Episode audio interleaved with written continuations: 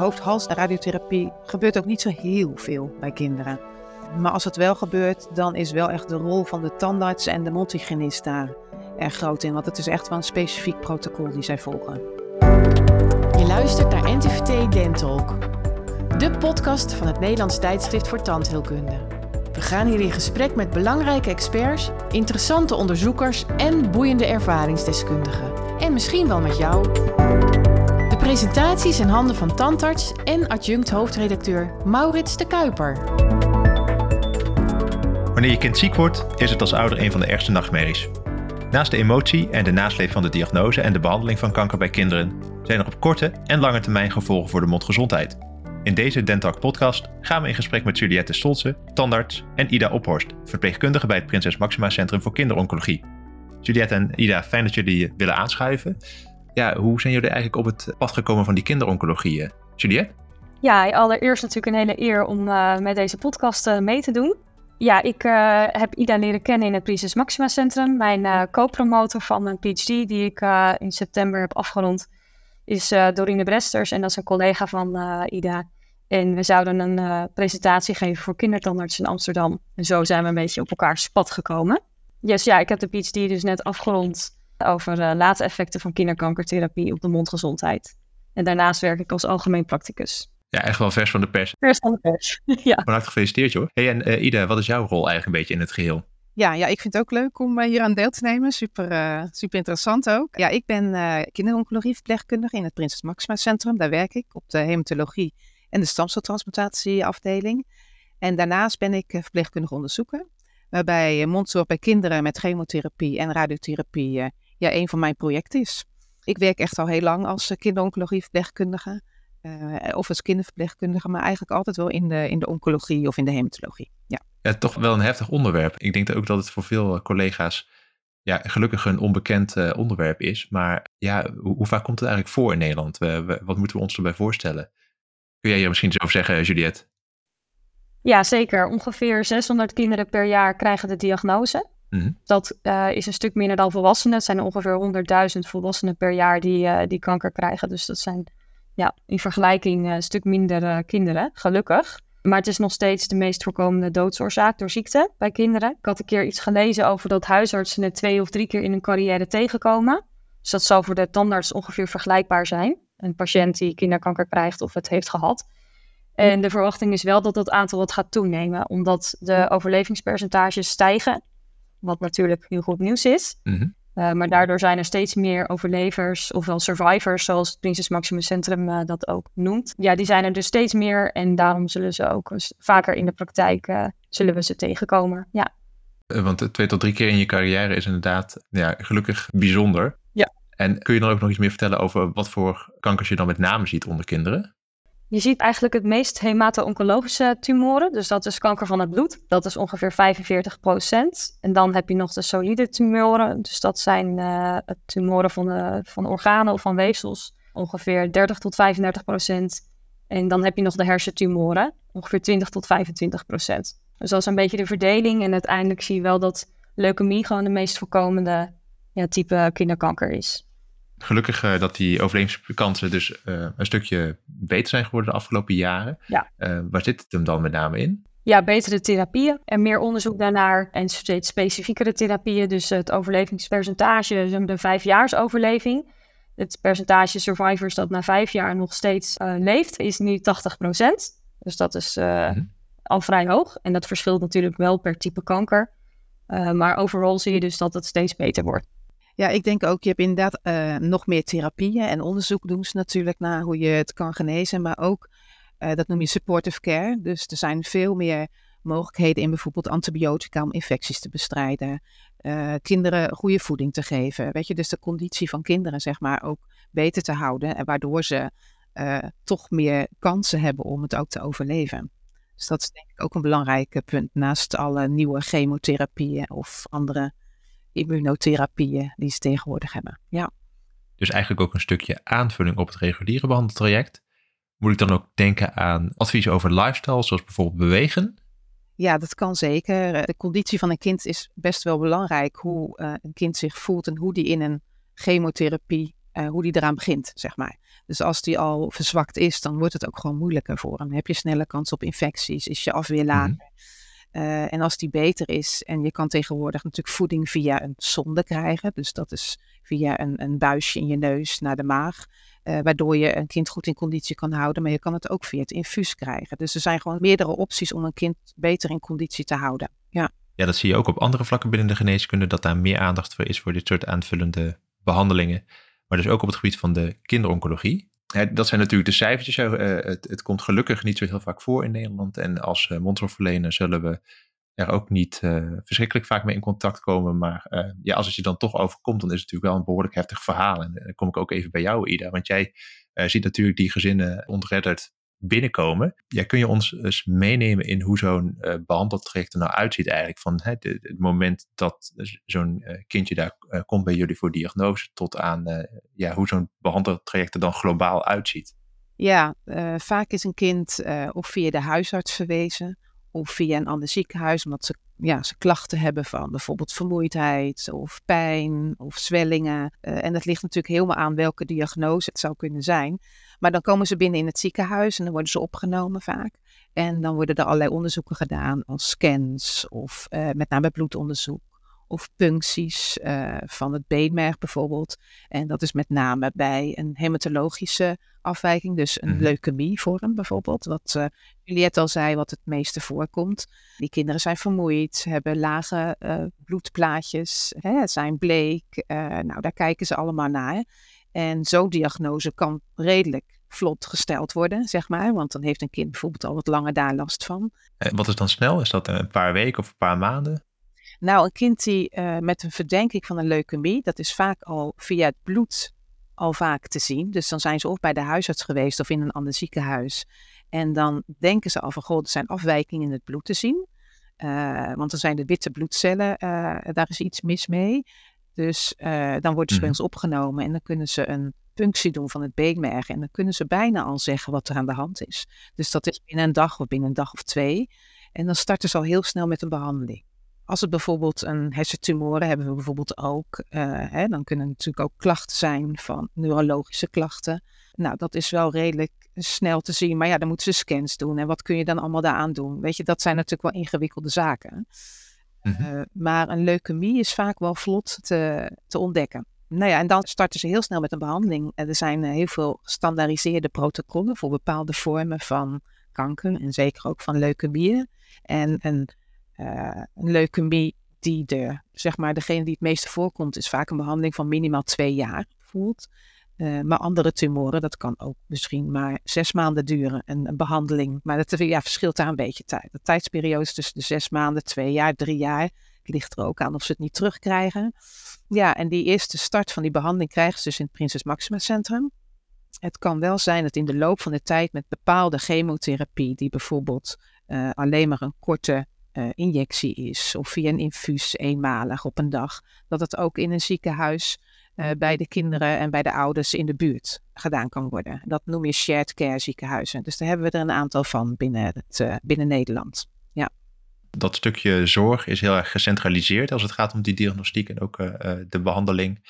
En op het moment dan duidelijk is uh, wat de diagnose is, dan wordt ook gekeken van hey, is er misschien een stukje zorg wat geboden kan worden, wat, wat meer in de buurt is van waar het kind woont. Dus het wel een enorme impact op het leven van, van zo'n gezin. Wat voor ondersteuning is er eigenlijk voor, voor die ouders of die gezinssituatie? Want er komt natuurlijk enorm veel op zo'n gezin af. Het centrum is ontstaan met zeg maar inmenging van een ouder vereniging.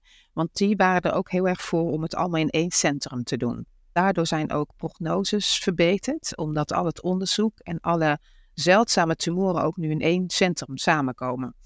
Dus je kan je voorstellen dat, uh, dat je dan meer kans hebt en meer duidelijkheid hebt voor oncologen ook om een diagnose te stellen, omdat ze het herkennen hè, omdat er meerdere therapieën dan zijn, dan dat bijvoorbeeld één kind in Groningen, de ander was in Maastricht en de volgende in Rotterdam. Dat is natuurlijk veel meer verspreid, dus dat is moeilijke zicht op krijgen.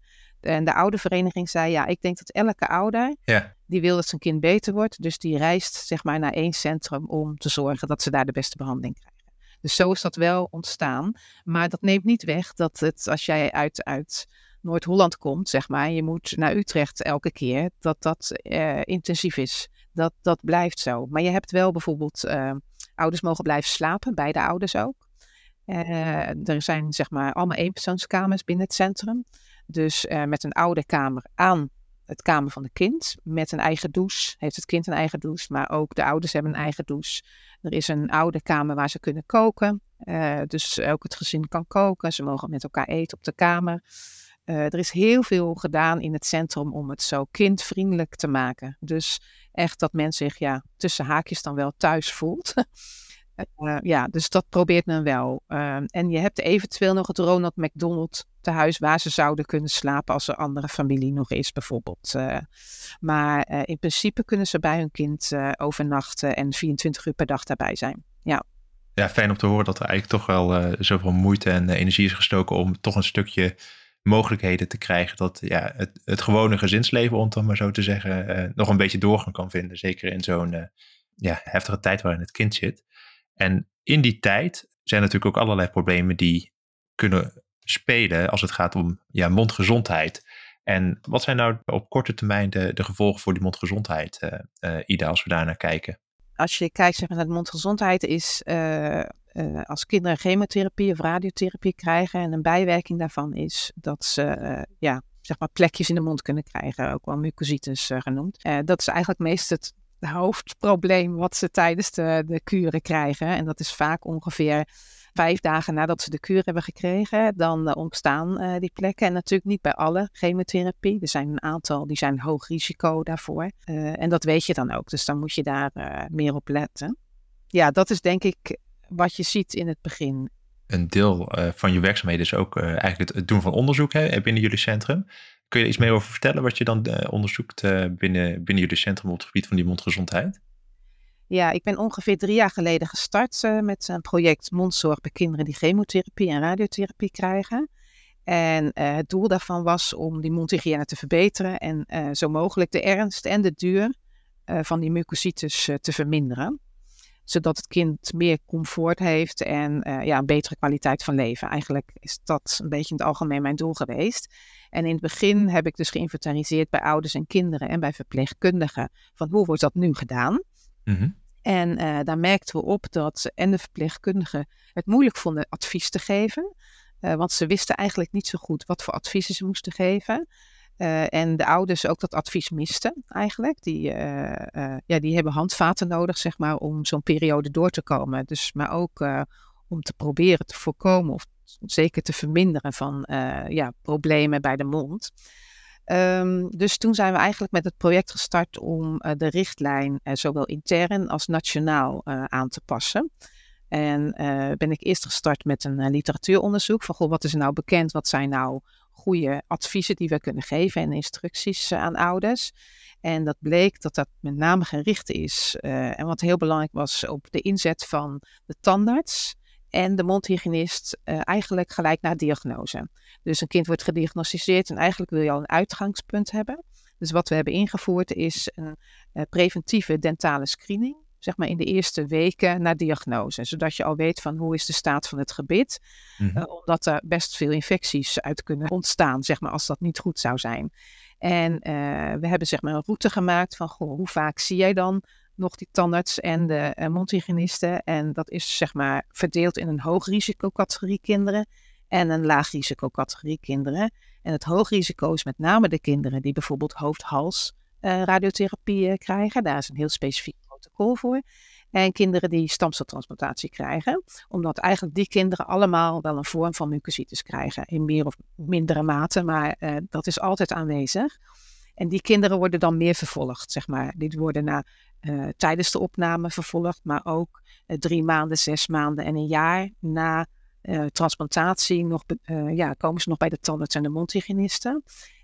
Wat niet wil zeggen dat ze nooit naar hun eigen tandarts zouden mogen, zeg maar. Dat is ook helemaal prima. Alleen ze willen dat vervolg wel graag doen.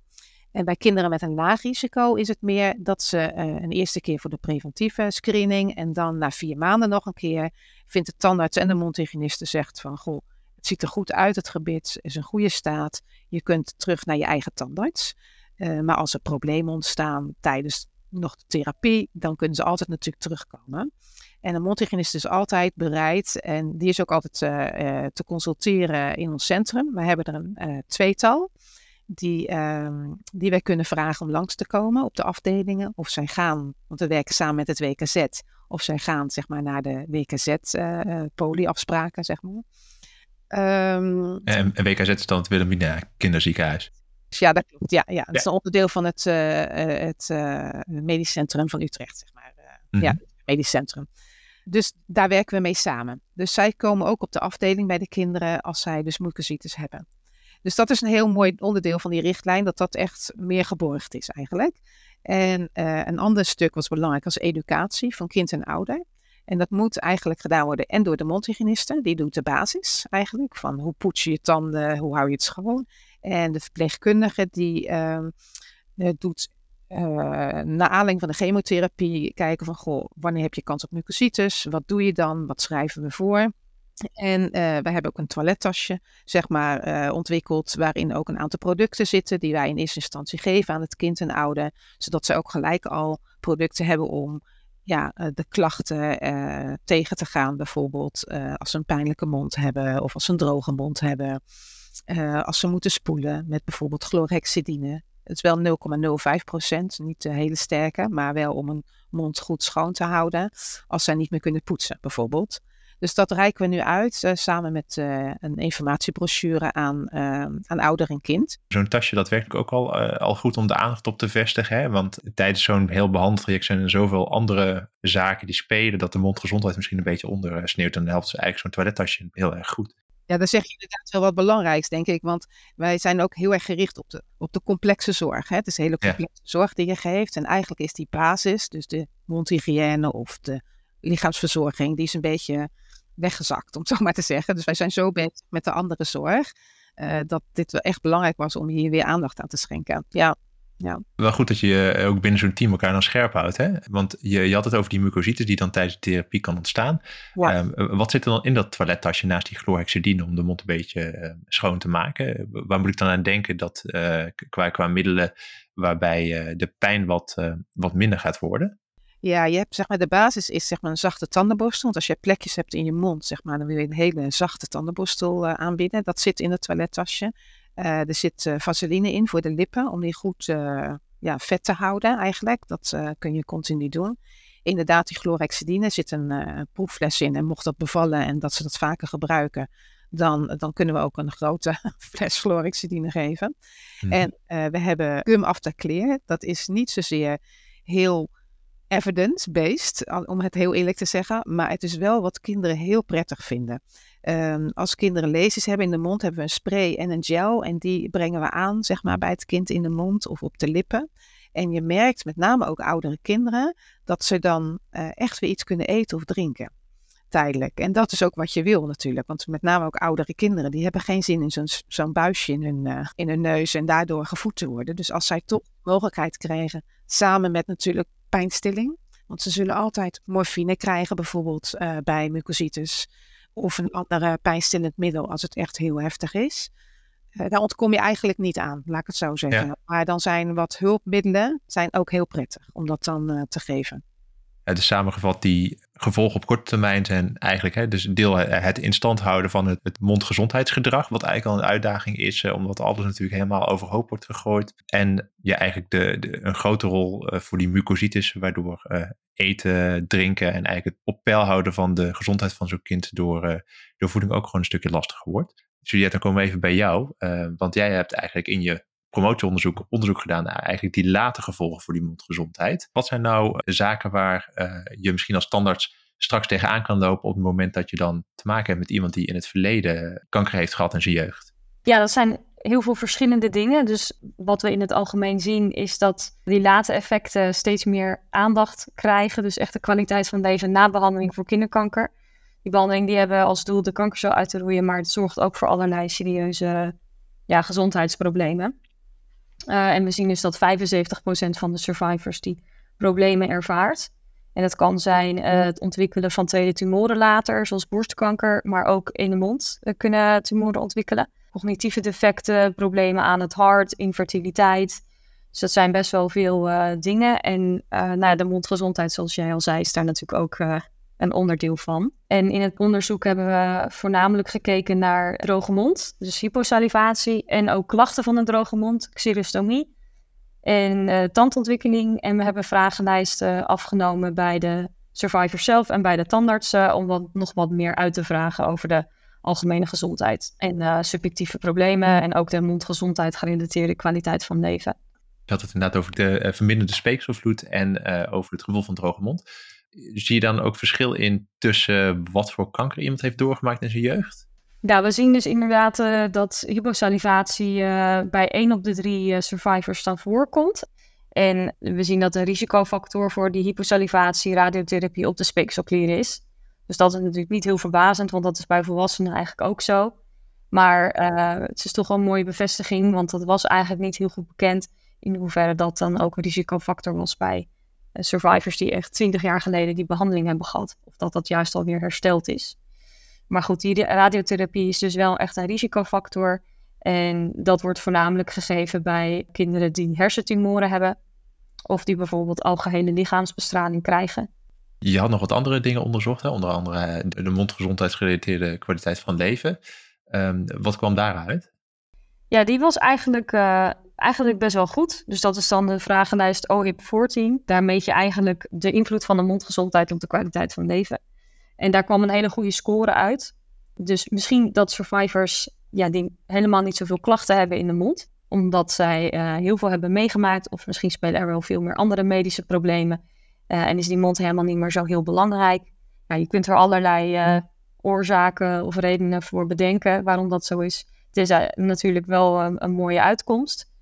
Maar je ziet wel gewoon dat ze wel veel meer kans hebben op problemen. Dus wat we ook zagen is de tandontwikkeling. Ja, er kunnen afwijkingen voorkomen in de tandontwikkeling. Uh, bijvoorbeeld patiënten die echt jong zijn tijdens behandeling onder de drie jaar oud. Die hebben verhoogde kans op afwijkingen in de tandontwikkeling, zoals agenesie, microdontie en hypomineralisatie. en ook korte wortels komen vaker voor. Dus echt het hele gebied met kortere wortels, dat heeft natuurlijk weer invloed op de orthodontie. Nou, daar zien we ook dat bepaalde type chemotherapie daar verhoogd risico opgeeft. En ook de literatuur benoemt uh, hoofdhalsradiotherapie. Mm Ja. want die hoofdhalsradiotherapie dat is natuurlijk iets waar je ook als mondzorgverlener überhaupt uh, toch wel graag van op de hoogte bent als iemand dat er ooit heeft uh, doorgemaakt. Ida, is dat ook iets wat jullie meegeven aan de ouders van die kinderen die dat doormaken, om dat door te geven aan de, aan de mondzorgverlener? Nee, dat komt eigenlijk niet zo in gesprek bij ons. En hoofdhalsradiotherapie gebeurt ook niet zo heel veel bij kinderen. Maar als het wel gebeurt, dan is wel echt de rol van de tandarts en de mondhygiënist daar erg groot in. Want het is echt wel een specifiek protocol die zij volgen. Dus daar weet ik persoonlijk niet zo heel veel van af. Dus die, die rol ligt echt bij de mondhygiënist en de tandarts meer. Ja. Mhm. ja, en ik weet ook wel dat het wel door kinderoncologen benoemd kan worden. Sowieso dat de therapieën gevolgen hebben kunnen voor de mond. En dat er gezegd wordt, benoem het bij de tandarts dat je uh, kinderkanker hebt gehad. En eh, eh, ga ook naar de tandarts.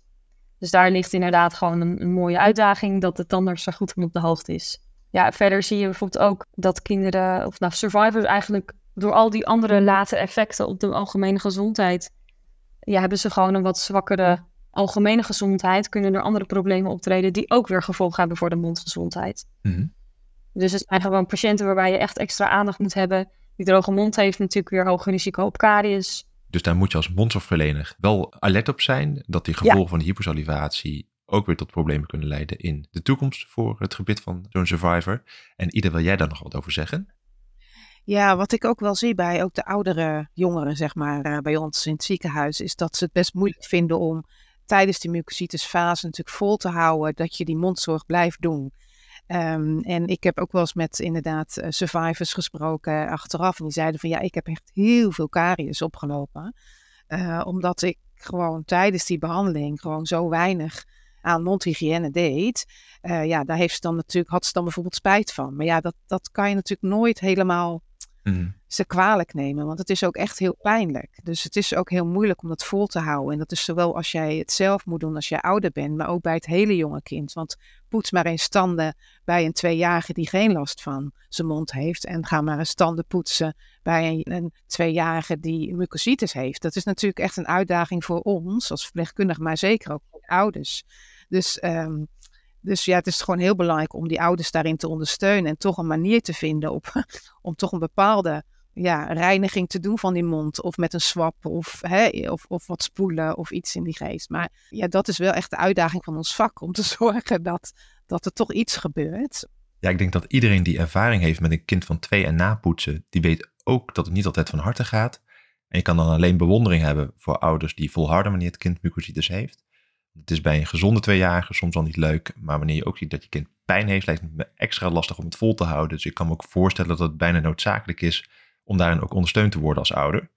Fijn dat jullie in je rol daar toch aandacht aan blijven besteden, want je draagt de gevolgen helaas wel de rest van je leven met je mee. Want ja, eenmaal karies in het gebit, daar heb je toch de rest van je leven enige vorm van tandheelkundige behandeling voor nodig.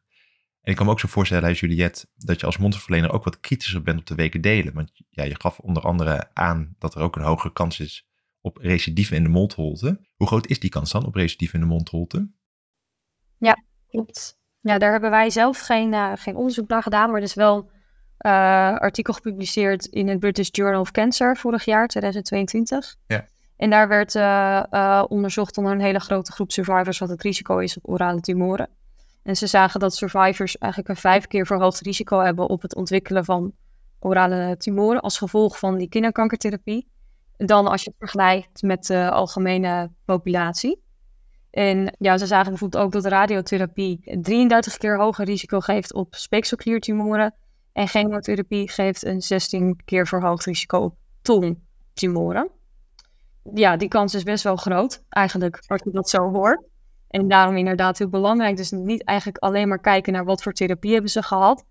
Uh, is het hoofdhalsradiotherapie ja of nee, maar ook gewoon überhaupt hebben ze kanker gehad. En uh, natuurlijk, bepaalde therapieën geven hoger risico, maar ja, bij eigenlijk alle survivors moet je dus gewoon extra opletten. Ja, dat lijkt me een heldere boodschap, want het zijn toch enorme risico's die je beschrijft, van 16 tot zelfs een 33 keer hogere kans ten opzichte van een gezond persoon. Maar het lijkt me als monsterverlener soms ook lastig om erachter te komen dat je patiënt in zijn jeugd ooit kanker heeft gehad. Want die denkt misschien ook wel, ja, het leed is al geleden. Uh, die is misschien een beetje klaar mee en heeft niet echt um, zin en voelt misschien niet echt de noodzaak om dit dan aan ons als tandarts te vertellen. En we nemen bij elke patiënt wel de medische anamnese af. Maar wat zag je nou bij die tandartsen die je hebt ondervraagd? In hoeverre waren zij op de hoogte van het verleden van hun patiënten? Die vragenlijsten die hebben natuurlijk eh, ook naar tandartsen gestuurd. En daardoor hebben we ook nu dus uh, meer inzicht in die tandontwikkeling bijvoorbeeld. En andere problemen in de mond. Mhm. Maar we vroegen ook die tandartsen, weet u van uw patiënt dat uh, hij of zij een kinderkanker heeft doorgemaakt? En dan was toch 40% niet van op de hoogte. Dus dat is zo bij de groep survivors die nu zo rond de 30, 40, 50 jaar oud is. Uh, en ja, dan is het inderdaad belangrijk dat de tandarts daarvan op de hoogte is. En ik denk dat het sowieso begint bij de survivor die weet dat, het, uh, dat kinderkanker gevolgen heeft voor de mond. Dat die daarover geïnformeerd wordt in het Crisis Maxima Centrum. Dus dat het duidelijk is dat ze dan moeten benoemen bij de tandarts. Het zou mooi zijn als er een soort brief of informatie kan komen naar, naar de tandarts gericht. Dat de tandarts ook specifiek weet waar die op moet letten bijvoorbeeld. Wat zijn nou risico's in de mond?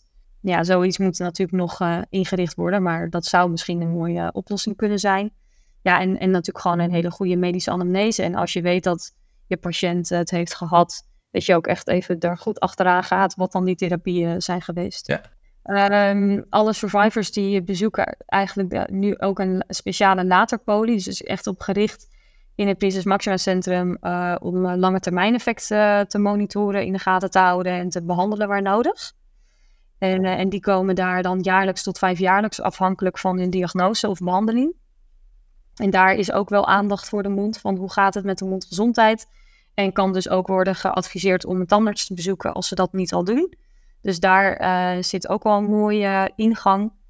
Dus ja, dat is nog een, uh, een goede aanvulling, dacht ik, uh, om even te benoemen. En wordt er internationaal nu ook gewerkt aan een survival paspoort. Dus dat voor survivors, dat ze echt een, ja, een paspoort bij zich hebben waar echt gespersonaliseerde info staat over de behandeling en de mogelijke late effecten. En die kunnen ze dan in een, in de toekomst kunnen ze die laten zien aan zorgverleners van hé, hey, dit is belangrijk om te weten over mijn, uh, ja, mijn behandeling in mijn jeugd. En het zou natuurlijk helemaal mooi zijn als die montuin ook wordt opgenomen. Dus daar uh, gaan we vast nog meer over horen ook. Het begint natuurlijk gewoon allemaal bij een goede anamnese die jij als mondzorgverlener afneemt. Maar ik kan me ook wel voorstellen dat het uh, ons wel echt een beetje gaat helpen als er zo'n uh, paspoort komt. Zodat we iets beter inzicht hebben in uh, wat zo'n patiënt toch heeft doorgemaakt in het verleden. Ida, zijn, zijn, er dan nog dingen um, waar jij als, in jouw rol als onderzoeker graag nog meer over zou, willen weten bij jullie op het centrum? Ik zou wel meer willen weten over ja, de effectiviteit van ja, fotobiomodulation, dus low-level lasertherapie. Dat is zeg maar een uh, manier om, uh, als een kind mucositis heeft, met licht schijn je, zeg maar een soort pen is dat, schijn je op de lesies in de mond. En dat kan zowel preventief als curatief. En dat helpt bij een snellere wondgenezing. Dat helpt uh, minder inflammatie en dat helpt pijn reducerend. Daar is al wel veel over geschreven, maar het is nog niet bij ons in gebruik binnen het ziekenhuis. En ik ben nu een plan aan het schrijven en een onderbouwing aan het schrijven vanuit de literatuur ook, om dit toch in te gaan zetten. Want uh, ik heb wel gehoord dat er echt wel internationaal uh, in een aantal centra dit al wordt gebruikt. Uh, maar het meeste in volwassen centra, dus nog niet zo heel veel bij kinderen. Maar er is wel echt voortgang in, zeg maar, dat het ook ja, goed effectief is. En echt een, een, ja, voor de comfort van het kind wel, wel heel prettig is. Uh, maar goed, daar moet eerst wel even goed een, uh, een, plan voor worden opgemaakt. En wie gaat dit dan doen, zeg maar. En, uh, dus dat is wel echt een heel leuk om dat ja, in de toekomst verder te gaan ontwikkelen. Omdat het dus ook wel gebruikt wordt al. Dus dat is, dat is wel een plan, ja. Hey, en Juliette, wat zijn jouw plannen? Want je bent nu klaar met je promotie. Wat ga jij nu doen? Ik ga in het UMC Utrecht bij de bijzondere tandheelkunde aan de slag. Dus dat is een mooie nieuwe uitdaging. Wellicht dat ik daar ook wat lange termijn follow-up uh, ja, van de mond, uh, mondgezondheid nog wat, nog wat in kan betekenen, zeg maar. Dus ja, dat, is, dat zijn mijn, uh, mijn plannen. En ik blijf daarnaast als algemeen practicus werkzaam. Zo'n dus mooie combinatie, zeg maar. Ja, prachtige combinatie van onderzoek, werken bij een CBT en in de algemene praktijk. Dat is een hele leuke indeling van je werkweek. Ik denk ook dat het een mooie afsluiting is van het gesprek, waarbij jij, Ida, eigenlijk begon met de zorg aan het bed en de afgelopen jaren meer je focus hebt gelegd bij het onderzoek. En jij, Juliette, gaat nu eigenlijk de andere route van meer van het onderzoek naar de zorg aan de stoel. Ik wil jullie enorm bedanken voor jullie gesprek en jullie inzicht over dit ja, toch wel indrukwekkende onderwerp. Ik denk dat het weer heel wat inzichten heeft verschaft voor ons als mondzorgverleners, ook al komen we er gelukkig niet vaak mee in aanraking tijdens onze carrière. Maar mocht het zo zijn, dan hoop ik dat deze podcast wat handvatten biedt om de kennis wat op te frissen.